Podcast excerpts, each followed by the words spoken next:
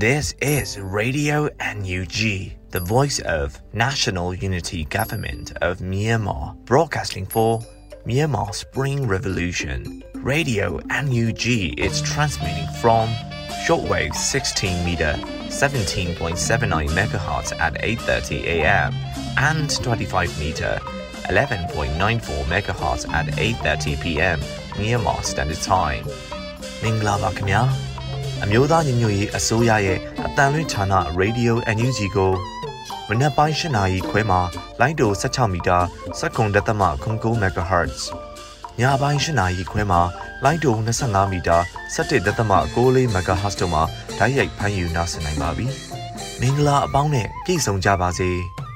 အခုချိန်ကစပြီး Radio NUG အစီအစဉ်တွေကိုဓာတ်ရိုက်အတန်လွှင့်ပေးနေပါပြီ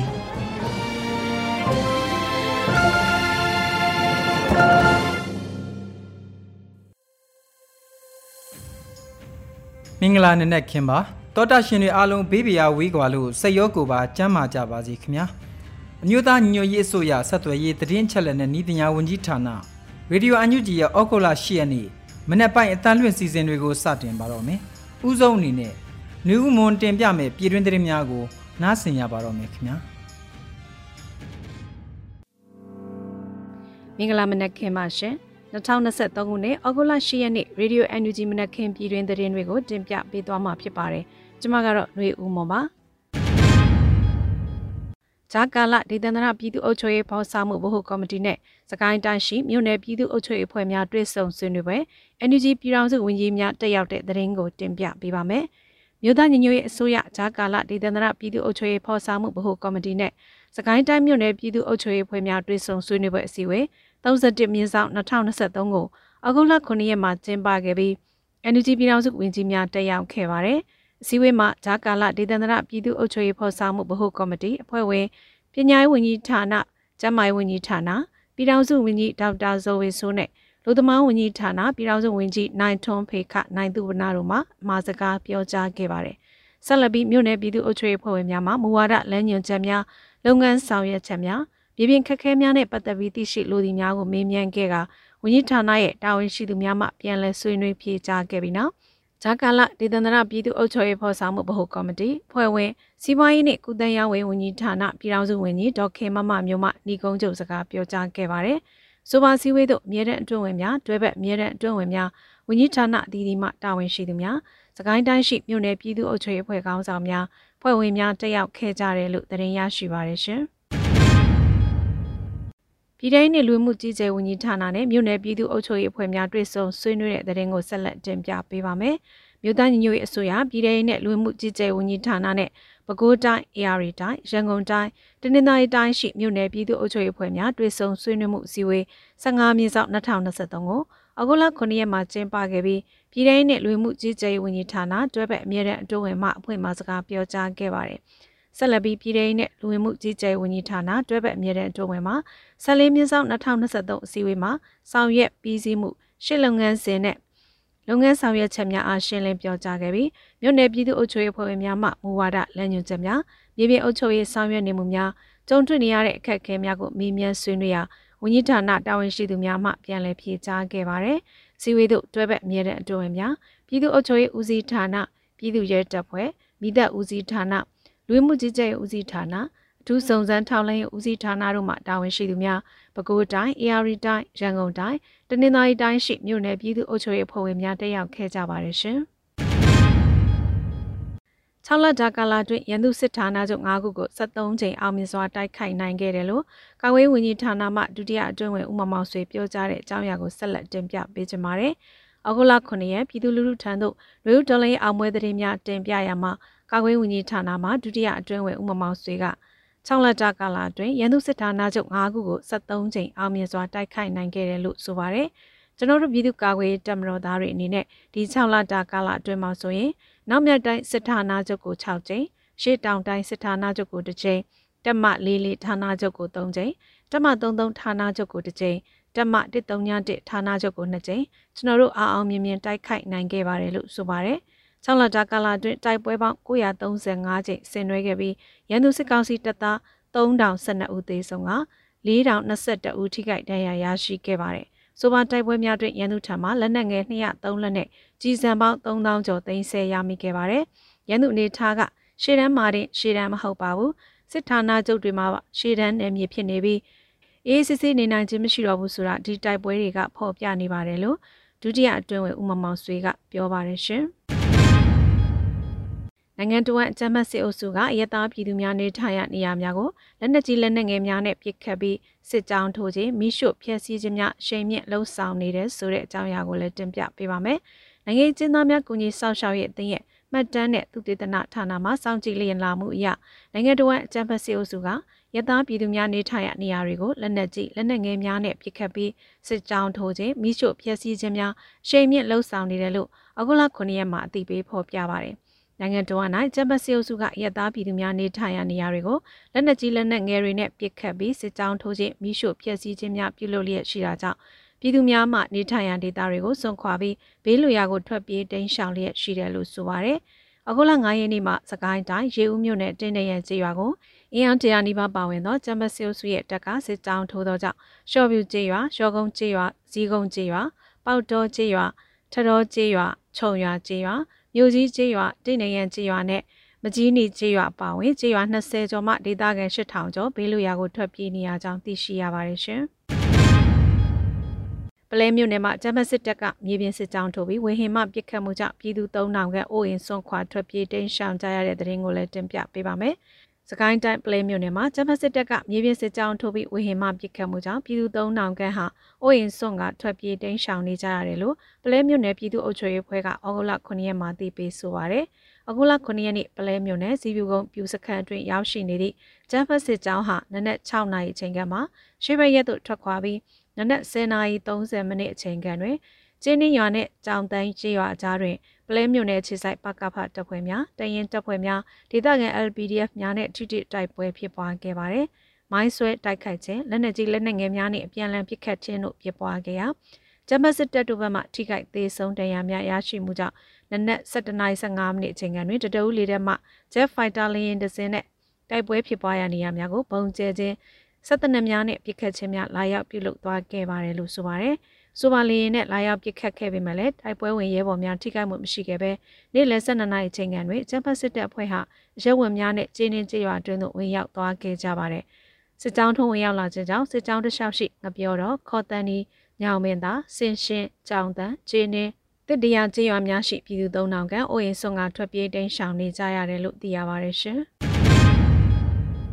ပလဲမြို့နယ်ဇီးဘီကုန်းပြူရွာကနေထွက်လာတဲ့အင်အား90ခန့်မှစစ်ကြောင်းကိုကာကွယ်တပ်များပစ်ခတ်တိုက်ခိုက်ရာစစ်ကောင်စီဘက်က10ဦးထပ်မံတေဆုံးတဲ့တဲ့ရင်ကိုဆက်လက်တင်ပြပေးပါမယ်။စကိုင်းတိုင်းပလဲမြို့နယ်ဇီးဘီကုန်းပြူရွာကနေထွက်လာတဲ့အင်အား90ခန့်မှစစ်ကြောင်းကိုကာကွယ်တပ်များပစ်ခတ်တိုက်ခိုက်ရာစစ်ကောင်စီဘက်က10ဦးထပ်မံတေဆုံးခဲ့တယ်လို့အဂုလ9ရက်မှာရင်းမပင်ခရိုင်တရင်ဆက်ကို Play Jokers PDF မှစီးရဲတဲ့ရင်ကိုအတည်ပြုဆိုပါတယ်။အ ဂလ9ရက်မနက်9နာရီချိန်ကမှဇီးပြကုန်းပြူရွာကနေထွက်လာတဲ့အင်အား90ခန့်မှစစ်ကြောင်းကိုကျွန်တော်တို့ရင်းမပင်ခရိုင်တရင်ဆက်ကို Play Jokers PDF တက်ခွဲသုံးတဲ့မြမတော်ဝင်နဂါတက်တော် MRDA တို့ပူးပေါင်းပြီးကျင်းနေရွာနောက်ဖက်မှစောင့်ကြိုတိုက်ခိုက်ခဲ့ပါတယ်။တိုက်ပွဲကြချိန်တနိုင်ခန့်ထိတွေ့တိုက်ခိုက်မှုဖြစ်ခဲ့ပြီးစစ်ကောင်စီဘက်က Jet Fighter နဲ့17နာရီအချိန်လောက်မှာနှစ်ကြိမ်ပုံကျဲတိုက်ခိုက်မှုပြုလုပ်ခဲ့ပါတယ်လို့ဆိုပါတယ်။ ဆိုပန်ထိတွေ့တိုက်ပွဲမှာစစ်ကောင်စီများဘက်က10ဦးထပ်မံသေဆုံးနိုင်ပြီးဒဏ်ရာရရှိသူအများပြားရှိခဲ့ကတော်လေးပူပေါင်းတပ်ဖွဲ့မှအထိကိမရှိပြန်လည်ဆုတ်ခွာနိုင်ခဲ့ကြပါတယ်ရှင်။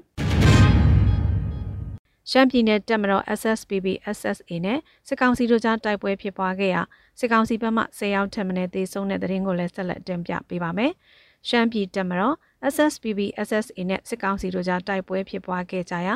စစ်ကောင်စီဘက်မှ10ရောက်ထပ်မံသေဆုံးခဲ့တယ်လို့စီးရဲသတင်းကို SSPB Info ကအဂုလ9ရက်မှာတည်ပြီးဖော်ပြပါရယ်။အဂုလ6ရက်နေ့နနက်6:15မိနစ်ကစပြီးညနေ3:00နာရီဝန်းကျင်ထိရှမ်းပြည်နယ်တောင်ပိုင်းလဲချမြို့နယ်မှာရှမ်းပြည်တိုးတက်ရေးပါတီရှမ်းပြည်တပ်မတော် SSPB SSA နဲ့ စစ်ကောင်စီတို့ကြားတိုက်ပွဲဖြစ်ပွားခဲ့ရာရှမ်းပြည်တိုးတက်ရေးပါတီရှမ်းပြည်တပ်မတော် SSPB SSA ဘက်မှရဲဘော်တအုပ်မြင့်မြတ်စွာအသက်ပေးလူသွားပြီးစစ်ကောင်စီဘက်မှဆယ်ယောက်ထက်မနည်းသေဆုံးကတပ်သားတချို့ဒဏ်ရာအပြင်းထန်ရရှိသွားပါတယ်လို့ဆိုပါတယ်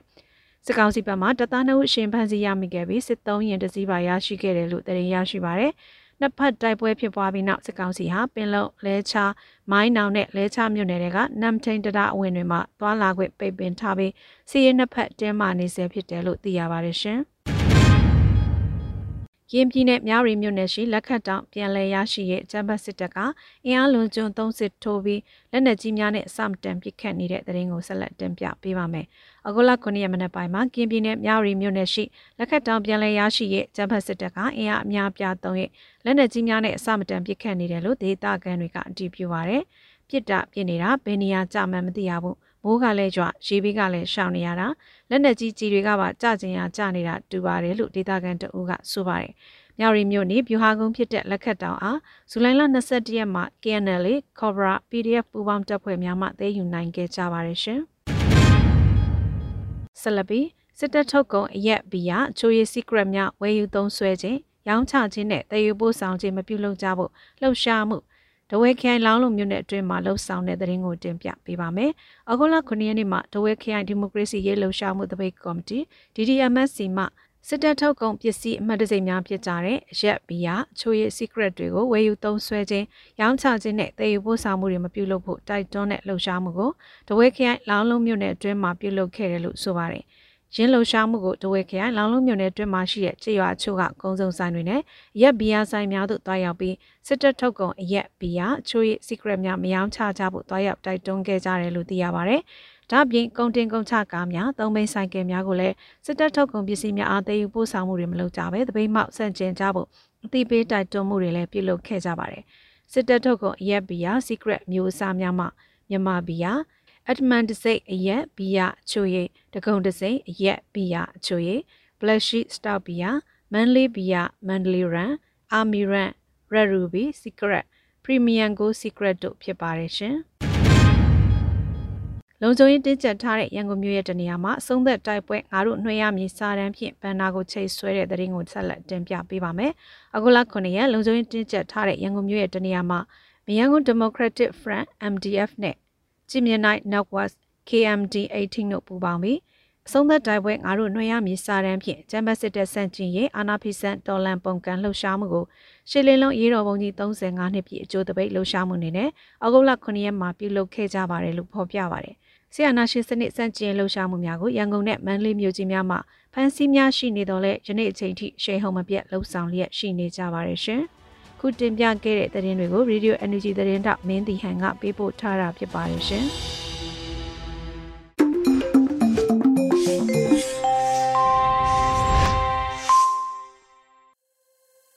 ပြည်တွင်းသတင်းများကိုနားဆင်ခဲ့ကြရတာပါဆက်လက်ပြီးရှစ်လေးလုံးအရေးတော်ပုံ35နှစ်ပြည့်သူအမှတ်တရစကားများအနေနဲ့ပြည်ထောင်စုဝန်ကြီးဦးအောင်မျိုးမင်းကအခုလိုပြောဆိုထားတာထုတ်လွှင့်လိုက်ပါတယ်ခင်ဗျာ ရှစ်ရက်ရှစ်လ1988ခုနှစ်ကစတင်ခဲ့တဲ့တမိုင်းဝယ်ရှစ်လေးလုံးအရေးတော်ပုံကြီး35နှစ်မြောက်ခဲ့ပါပြီဒီကာလအတွင်းမှာဒီမိုကရေစီကိုလိုလားတဲ့ယဟန်ရှင်လူပြည်သူတွေအားလုံးကအသက်ပေါင်းများစွာစတေးပြီးတော့တိုက်ပွဲဝင်ခဲ့ကြတယ်အစင်ဆက်လဲစစ်အာဏာရှင်စနစ်ကိုတွန်းလှန်ခဲ့ကြတယ်အခုတခါຫນွေဦးတော်လှန်ရေးကာလအတွင်းမှာလူဒန်းစားဘောင်းစုံကပါဝင်တဲ့တော်လှန်ရေးကိုဆက်လက်ပြီးဆွေးနွေးလျက်ရှိပါတယ်။ ရှစ်လေးလုံးတိုက်ပွဲတုန်းကတပါတီအာဏာရှင်စနစ်ကိုတွန်းလှန်ခဲ့ပေမဲ့နှွေဦးတော်လှန်ရေးမှာစစ်အာဏာရှင်စနစ်လုံးဝပြတ်သုံးရေးကိုဥတည်နေတာတွေ့ရပါတယ်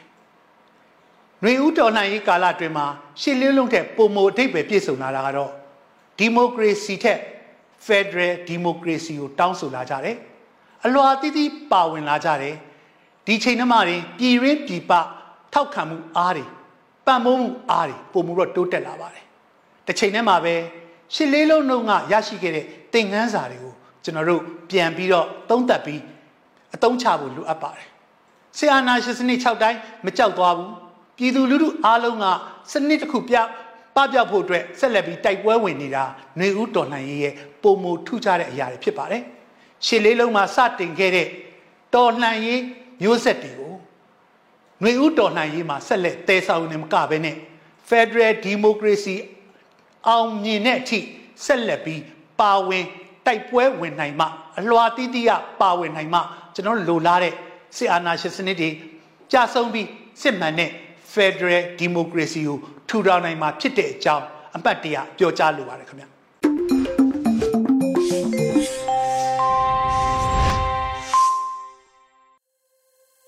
ရေဒီယိုအန်ယူဂျီကဆက်လက်အသံလွှင့်နေပါတယ်။အခုတဖန်နာဆင်ရမှာကပြည်သူလူထုထံသို့နှွေဦးတော်လိုင်းရေးအောင်ပွဲသတင်းများတင်ပြခြင်းအစီအစဉ်ဖြစ်ပါတယ်။ကာကွယ်ရေးဝန်ကြီးဌာနမှပြောရေးဆိုခွင့်ရှိသူဒုအတွင်းဝန်ဦးမမောင်ဆွေကအခုလိုတင်ပြထားပါတယ်ခင်ဗျာ။အားလုံးပဲမင်္ဂလာပါ။ကျွန်တော်တို့ပြည်သူ့ကာကွယ်ရေးတပ်မတော်နဲ့မဟာမိတ်တော်လိုင်းရေးအင်အားစုတွေရဲ့2023ခုနှစ်ပထမ6လပတ်မှာရရှိခဲ့တဲ့နှွေဦးတော်လိုင်းရေးအောင်ပွဲ မြောင်များစွာတဲကမှအရေးပါတဲ့အောင်ပွဲအချို့ကိုကျွန်တော်ပြည်သူလူထုကိုထုံးထုတ်တင်ပြပါမယ်ကျွန်တော်တို့ပြည်သူ့ကာကွယ်ရေးတပ်မတော်နဲ့မဟာမိတ်တော်လှန်ရေးအင်အားစုတွေကဒီပထမ6လတာကာလအတွင်းမှာစစ်ကောင်စီရဲ့လေတပ်စခန်း၅ခုဖြစ်တဲ့တတအူးလေတပ်စခန်းမင်္ဂလာလုံးလေတပ်စခန်းမကွေးလေတပ်စခန်းတောင်ငူလေတပ်စခန်းနဲ့ကြောက်ထုလေတပ်စခန်းတွေကိုခုနှစ်ကြိမ်လက်နက်ကြီးတွေနဲ့ပစ်ခတ်တိုက်ခိုက်နိုင်ခဲ့ပါတယ်ကျွန်တော်တို့တော်လိုင်းအင်အားစုတွေအနေနဲ့က ဒီလေတပ်စခန်းတွေနားမှာသူတို့ရဲ့အဓိကအားသာချက်ဖြစ်တဲ့လေရင်တွေကိုဖြိုခွင်းနိုင်ဖို့ကျွန်တော်တို့ကဒုံးကျည်တွေမရှိပေမဲ့လည်းမြေပြင်မှာရှိတဲ့လေတပ်စခန်းတွေကိုခြေမုံနိုင်ဖို့အတွက်ကိုတိုက်ပွဲတွေကိုအဓိကဖော်ဆောင်ရရှိပါတယ်။အလားတူပါပဲစစ်ကောင်စီရဲ့အဓိကစစ်လက်နက်ပစ္စည်းထုတ်လုပ်ရေးစက်ရုံ9ရုံကိုလည်းကျွန်တော်တို့ပြည်သူ့ကာကွယ်ရေးတပ်မတော်နဲ့မဟာမိတ်တော်လှန်ရေးအင်အားစုတွေက12ကြိမ်အောင်မြင်မြင်နဲ့ပြစ်ခတ်တိုက်ခိုက်နိုင်ခဲ့ပါတယ်။ ဆိုတော့ဒီ6လတာကာလအတွင်းမှာရန်သူရဲ့စခန်းသိမ်းပိုက်မှုပေါင်းက30အကြိမ်သိမ်းပိုက်နိုင်ခဲ့ပါတယ်။ကရင်နီဒေသမှာ10ကြိမ်၊စကိုင်းတိုင်းမှာ6ကြိမ်နဲ့တောင်ပိုင်းတိုင်းမှာ14ကြိမ်ကျွန်တော်တို့ပြည်သူ့ကာကွယ်ရေးတပ်မတော်သားတွေနဲ့မဟာမိတ်တော်လှန်ရေးအင်အားစုတွေကအောင်မြင်မြင်နဲ့တိုက်ခိုက်သိမ်းပိုက်နိုင်ခဲ့ပါတယ်။အလားတူကာလမှာပါပဲရဲစခန်း15ခု၊နေကြားဆောင်တပ်10ခုနဲ့ပြူစခန်း14ခုကိုလည်းကျွန်တော်တို့ပြည်သူ့ကာကွယ်ရေးတပ်မတော်အနေနဲ့အောင်အောင်မြင်မြင် သိမ်းပိုက်နိုင်ခဲ့ပါတယ်။စခန်းသိမ်းတိုက်ပွဲတွေတဲကမှထူးခြားတဲ့တိုက်ပွဲတစ်ပွဲကိုလည်းကျွန်တော်ပြည်သူလူထုကိုတင်ပြချင်ပါတယ်။ပြီးခဲ့တဲ့လ20ရက်နေ့မနက်9နာရီမှာလက်ခတ်တောင်စခန်းကုန်းကိုကျွန်တော်တို့ပြည်သူ့ကာကွယ်ရေးတပ်မတော်သားတွေမဟာမိတ်တော်လှန်ရေးအင်အားစုတွေကတိုက်ခိုက်တယ်21ရက်နေ့မနက်6နာရီမှာအောင်အောင်မြင်မြင်နဲ့ကျွန်တော်တို့သိမ်းပိုက်နိုင်ခဲ့ပါတယ်ဆိုတော့ကျွန်တော်တို့သိမ်းပိုက်နိုင်ခဲ့ပြီးတော့အဆောက်အနှဲငယ်နဲ့ချထားတဲ့အဲ့စခန်းကုန်းကိုစစ်ကောင်စီရဲ့လက်အောက်ခံတိုင်ရင်တပ်ဖွဲ့တွေကအများကြီးအုံလိုက်ကျင်းလိုက်ဝိုင်းပြီးတော့ ဝိုင်းဝန်းပြီးတော့အခုတိုက်ခိုက်နေပါတယ်လက်နက်ကြီးတွေလေတောင်ပစ်ကူတွေနဲ့တိုက်ခိုက်နေပေမဲ့လည်း15ရက်ဒီနေ့နဲ့ဆိုရင်ဒါ15ရက်တာကာလကိုရောက်နေပါပြီတောင်ကြီးကိုတော့ကတ်နိုင်ခြင်းမရှိသေးပါဘူးဒါကဘာကိုပြနေလဲဆိုတဲ့ခါကျတော့လက်ခတ်တောင်တွေမှာမဟုတ်ပါဘူးတနိုင်ငံလုံးမှာ စိတ်တဲ့ရရအောင်ဆုံးကိုရောက်နေတာတိုက်လို့ခိုက်လို့သိမရှိပဲနဲ့ပြေးလက်ပြေးပေါက်ကိုတာရှာနေတဲ့စစ်ကောင်စီရဲ့တပ်သားတွေရဲ့အခြေအနေကိုဒါဒီတိုက်ပွဲကနေပြီးတော့မိမောင်းထုတ်ပြနေပါတယ်ဒီစခန်းအနေနဲ့လည်းကျွန်တော်တို့ပြည်သူ့ကာကွယ်ရေးတပ်မတော်သားတွေမဟာမိတ်တော်လှန်ရေးအင်အားစုတွေကမလိုအပ်တော့လို့စွန့်လာပဲသူတို့ပြန်ပြီးတော့ဟောထိမ့်သိမ့်နိုင်မဲ့သဘောရှိပါတယ်ကျွန်တော်တို့ပြည်သူ့ကာကွယ်ရေးတပ်မတော်သားတွေမဟာမိတ်တော်လှန်ရေးအင်အားစုတွေနဲ့စစ်ကောင်စီရဲ့တပ်သားတွေထိတွေ့တိုက်ပွဲပေါင်း935ကြိမ် ဒါဒီ6လတာကာလအတွင်းမှာ935ကြိမ်ထိတွေ့တိုက်ပွဲဖြစ်ခဲ့ပါတယ်အဲ့ဒီထဲမှာရန်သူစစ်ကောင်စီတပ်သား3012ဦးကိုကျွန်တော်တို့ခြေမုံနိုင်ခဲ့ပြီးတော့4022ဦးဒဏ်ရာရရှိသွားခဲ့ပါတယ်လက်နက်သိမ်းဆည်းရရှိမှုအနေနဲ့ကတော့လက်နက်ငယ်203လက်သိမ်းဆည်းရပြီးတော့ကြည်ပေါင်း3000ကျော်ဘုံသီးပေါင်း600ကျော်နဲ့မိုင်းအလုံး180ကျော်ကိုကျွန်တော်တို့ကဒါပြည်သူ့ကာကွယ်ရေးတပ်မတော်သားတွေနဲ့မဟာမိတ်တော်လိုင်းအင်အားစုတွေက အောင်အောင်မြင်မြင်နဲ့သိမ့်ပိုက်ရရှိနိုင်ခဲ့ပါတယ်။အဲ့ဒီတိုက်ပွဲတွေမှာရန်သူစစ်ကောင်စီအနေနဲ့လေကြောင်းကနေပြီးတော့ဘုံကျဲတာဒုံးကြီးတွေနဲ့ပစ်တာအကြိမ်တရာပစ်ခဲ့ပါတယ်ကျွန်တော်တို့ပြည်သူ့ကာကွယ်ရေးတပ်မတော်သား drone တပ်ဖွဲ့တွေအနေနဲ့လည်း255ကြိမ်အဲရန်သူတွေရဲ့တမဌာနချုပ်တွေကိုကျွန်တော်တို့ကပြန်လည်ပြီးတော့ဘုံသီးတွေနဲ့ဘုံကျဲတိုက်ခိုက်နိုင်ခဲ့ပါတယ်အခုခုခံဒေါ်လာစစ်ကကျွန်တော်တို့ဒီ2023ခုနှစ်အတွင်းမှာဆိုရင်အဆင့်တစ်ဆင့်ကိုမြင့်တက်သွားပြီဖြစ်ပါတယ် ပြည်သူ့ကာကွယ်ရေးတပ်မတော်သားတွေအနေနဲ့ပုံမှန်စစ်ပွဲတွေကိုဆင်နွှဲလာနိုင်နေပါပြီအဲ့လိုပါပဲကျွန်တော်ပြည်သူ့ကာကွယ်ရေးတပ်မတော်သားတွေကမဟာမိတ်တော်လိုင်းအင်အားစုနဲ့ပူးပေါင်းပြီးတော့ခရီးရှည်ရှည်တက်ပြီးတော့တိုက်ပွဲတွေကိုလည်းဒါကျွန်တော်တို့ဒါဆင်နွှဲနိုင်နေပါတယ်ကြီးမားကျယ်ပြန့်တဲ့စစ်နယ်တွေမှာမဟာဗျူဟာကြကြအချိတ်အဆက်မိမိနဲ့လည်းကျွန်တော်တို့ကဒါအကြမ်းဖက်စစ်ကောင်စီတပ်သားတွေကိုဒါချေမုန်းနိုင်နေပြီဖြစ်ပါတယ်အခုလိုဒီစီးရေးဆိုင်ရည်တွေထပ်မြက်လာတာအကြမ်းဖက်စစ်ကောင်စီကို နိုင်ငံရဲ့တောင်ပိုင်းမြောက်ပိုင်းအလယ်ပိုင်းဒေသစုံမှာဟန်ချက်ညီညီတိုက်တိုက်ပွဲဝင်လာနိုင်နေပြီဆိုတာကိုအပေါ်ကပြတဲ့အချက်လက်တွေကိုကြည့်ခြင်းအပြင်ပြည်သူလူထုအနေနဲ့ဒါသဘောပေါက်သိရှိနိုင်ပါတယ်ဒီ2023ခုနှစ်နှစ်ဆန်းပိုင်းကစပြီးတော့ရန်သူစစ်ကောင်စီအနေနဲ့ကရှေ့တန်းမှာသာရှေ့တန်းမဟုတ်ပဲနဲ့တမဌာနချုပ်တွေမှာလည်းအရင်လိုစအေးလည်းနဲ့နေနိုင်ခြင်းမရှိပဲနဲ့ရှေ့တန်းလိုပဲပုံရှုပ်ကွယ်ရှုပ်ဘုံချင်းတွေတူပြီးတော့နေနေရတဲ့သဘောရှိပါတယ် ကျွန်တော်တို့ပြည်သူ့ကာကွယ်ရေးတပ်မတော်သားတွေအနေနဲ့ဒီ6လကာလအတွင်းမှာဆိုရင်အနောက်မြောက်တိုင်းစစ်ဌာနချုပ်ကို6ကြိမ်အရှေ့တောင်တိုင်းစစ်ဌာနချုပ်ကို2ကြိမ်တမ44ဌာနချုပ်ကို3ကြိမ်တမ33ဌာနချုပ်ကို1ကြိမ်101တမဌာနချုပ်ကို2ကြိမ်ကျွန်တော်တို့အောင်မြင်မြင်နဲ့တိုက်ခတ်နိုင်ခဲ့ပါတယ်။ဆိုတော့ရန်သူအနေနဲ့ကရှေ့တန်းမှာသာရှေ့တန်းမဟုတ်ဘူးစစ်ဌာနချုပ်တွေမှာပါရှေ့တန်းနယ်မြေဖြစ်နေပြီးတော့အေးအေးဆေးဆေးနဲ့လုံခြုံသောနေနိုင်ခြင်းမရှိတော့ဘူးဆိုတာကိုဒီတိုက်ပွဲတွေကနေပြီးတော့ဒါဖော်ပြနေပါတယ်။အဲ့ တော့ဒီလိုမျိုးစခန်းသိမ်းတိုက်ပွဲတွေဒေသစခန်းတွေစစ်လက်နက်ပစ္စည်းစက်ရုံတွေစစ်တပ်တမဌာနချုပ်တွေကိုကျွန်တော်တို့ကအခုလိုပဲအောင်အောင်မြင်မြင်နဲ့တိုက်ခိုက်နိုင်နေတာတွေကပြည်သူ့ကာကွယ်ရေးတပ်မတော်သားတွေမဟာမိတ်တော်လှန်ရေးအင်အားစုတွေရဲ့စစ်ရေးစွမ်းရည်ပြေးပွားလာရုံနဲ့မကပါဘူးနောက်တန်းကနေပြီးတော့ဗန္ဒာရေးပိုင်းကိုပံ့ပိုးပေးနေကြတဲ့ပြည်တွင်းပြည်မကထောက်ပို့ပိုင်းအလှူရှင်တွေထောက်ပို့တပ်သားတွေရဲ့အခန်းကဏ္ဍကလည်းအရေးကြီးပါတယ်အဓိကကြတယ်ဆိုတာကိုလည်း ထပ်လောင်းပြီးတော့ပြောကြချင်ပါတယ်အဲ့ဒီအတွက်ပြည်သူလူထုရဲ့ငွေကြေးပိုင်းကူညီပံ့ပိုးမှုတွေကိုကာကွယ်ရေးဝန်ကြီးဌာနအနေနဲ့ကလည်းအလေးအနက်ဒါချီကျူးဂုဏ်ပြုပါတယ်ဆိုတာကိုလည်းကျွန်တော်ထပ်လောင်းပြီးတော့ပြောကြချင်ပါတယ်ပြည်သူ့ကာကွယ်ရေးတပ်မတော်သားတွေနဲ့မဟာမိတ်တော်လှန်ရေးအင်အားစုတွေကလည်းမကြာမီသောကာလမှာထိုးစစ်ကာလကိုရောက်ရှိလာဖို့ရှိပါတယ်။အဲ့ဒီထိုးစစ်ကာလကိုရောက်ရင်စစ်ကောင်စီတပ်သားတွေအနေနဲ့ဒီတက်ပို့ပြီးတော့ကြာရှုံးတော့မှအမှန်ပဲဆိုတာကိုကျွန်တော်ပြည်သူလူထုကို ထပ်မံပြီးတော့တင်ပြချင်ပါတယ်။ကျေးဇူးတင်ပါတယ်။အရေးတော်ပုံအောင်ရမည်အရေးတော်ပုံအောင်ရမည်အရေးတော်ပုံအောင်ရမည်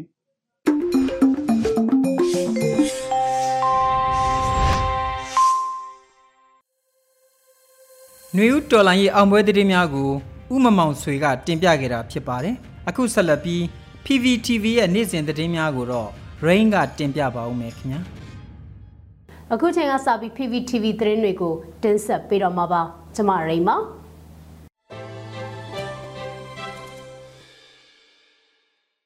ပထမဆုံးတင်ဆက်မှာကအာဆီယံနိုင်ငံတွေအနေနဲ့မြန်မာနိုင်ငံကလူအခွင့်အရေးချိုးဖောက်မှုတွေကိုအာယုံစိုက်ထားဖို့အရှိတီမောဝင်ကြီးချုပ်တိုက်တွန်းလိုက်တဲ့တဲ့မှာမြန်မာနိုင်ငံမှာဖြစ်ပေါ်နေတဲ့လူအခွင့်အရေးချိုးဖောက်မှုတွေကို ဖြေရှင်းနိုင်ရေးအာဆီယံအနေနဲ့အဖြေရှာကြဖို့တီမောလက်စတေးနိုင်ငံရဲ့ဝင်ကြီးချုပ်ကက်စဝွန်ကတိုက်တွန်းလိုက်ပါတယ်။တီမောလက်စတေဟာဒီမိုကရေစီနိုင်ငံတစ်ခုဖြစ်ပြီးမြန်မာနိုင်ငံတွင်းစစ်အာဏာသိမ်းမှုကို အပြင်းထန်ကန့်ကွက်ထားတဲ့နိုင်ငံတစ်နိုင်ငံဖြစ်ပါတယ်။အာဆီယံနိုင်ငံတွေအနေနဲ့မြန်မာနိုင်ငံမှာလူအခွင့်ရေးချိုးဖောက်ခံနေရတာတွေကို အာယုံစိုက်တင်ပါတယ်။မျှတတဲ့ရွေးကောက်ပွဲပြန်လည်ကျင်းပပေးဖို့နဲ့လူအခွင့်ရေးအကာအကွယ်ပေးဖို့နဲ့မှန်ကန်တဲ့ဥပဒေတွေလိုအပ်နေတယ်လို့တီမောလက်စတေးနိုင်ငံရဲ့ဝန်ကြီးချုပ်ကက်စမိုကပြောပါရယ်ဒီမောလက်စတေးဟာပြီးခဲ့တဲ့2023ခုနှစ်ဇူလိုင်လ၁ရက်ကကျင်းပခဲ့တဲ့အစိုးရအသစ်တက်ပွဲကိုလည်းအမျိုးသားညွရေးအစိုးရကိုမြန်မာနိုင်ငံရဲ့တရားဝင်အစိုးရအဖြစ်ဖိတ်ကြားခဲ့ပါသေးတယ်။ပေါ်တူဂီကိုလိုနီခေါင်းအရှိတီမောဒေသဟာ လက်နက်ကင်တော်လှန်ရေးနဲ့အာဏာသိမ်းမှုဖြစ်စဉ်များကိုနှစ်ပေါင်းများစွာကြုံတွေ့ခဲ့ရကအင်ဒိုနီးရှားနိုင်ငံအောက်တွင် အနှစ်20ကျော်နေခဲ့ရပြီး2002ခုနှစ်မှာကုလသမဂ္ဂရဲ့ကြီးကြပ်မှုနဲ့လူထုဆန္ဒခံယူပွဲကျင်းပကတိကျနိုင်ငံအဖြစ်လွတ်လပ်ရေးရခဲ့တာဖြစ်ပါတယ်။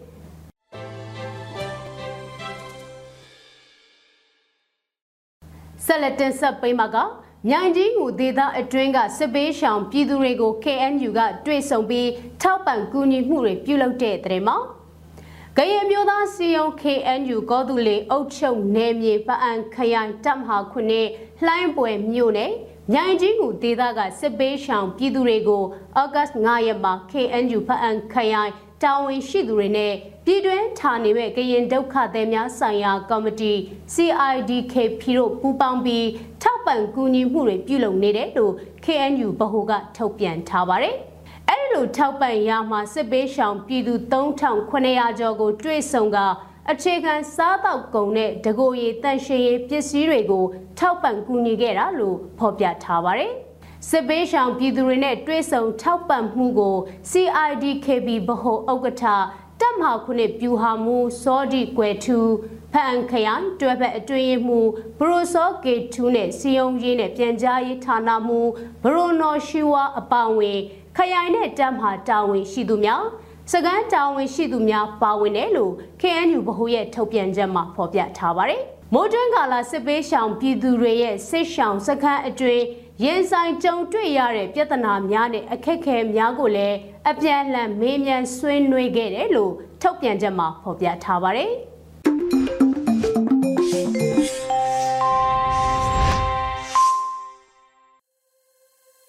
ဩဂုတ်လ10ရက်နေ့ရေဒီယို UNG ရဲ့မနေ့ပိုင်းအတန်လွှင့်စီစဉ်များဖြစ်ပါတယ်။ဒီကနေ့အတွက်နောက်ဆုံးစီစဉ်နေနဲ့ဆက်လက်ပြီးတော်လိုင်းတီဂီတာအစီအစဉ်မှာနိုင်မြန်မာရေးသားပြီးပြည်သူအများစုစုပေါင်းတည်ဆိုထားကြတဲ့ ကဘာမကြည်ဘူးဆိုတဲ့တော်လိုင်းတီးသချင်းတစ်ပုဒ်ကိုထုတ်လွှင့်လိုက်ပါတယ်ခင်ဗျာ။။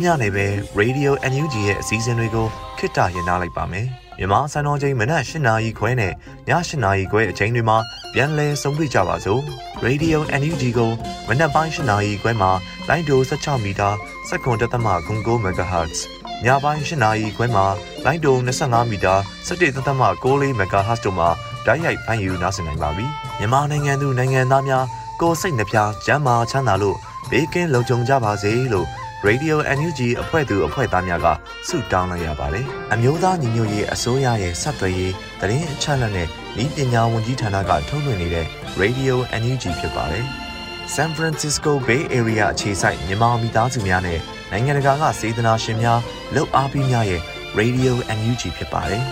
။အရေးတော်ပုံအောင်ရမည်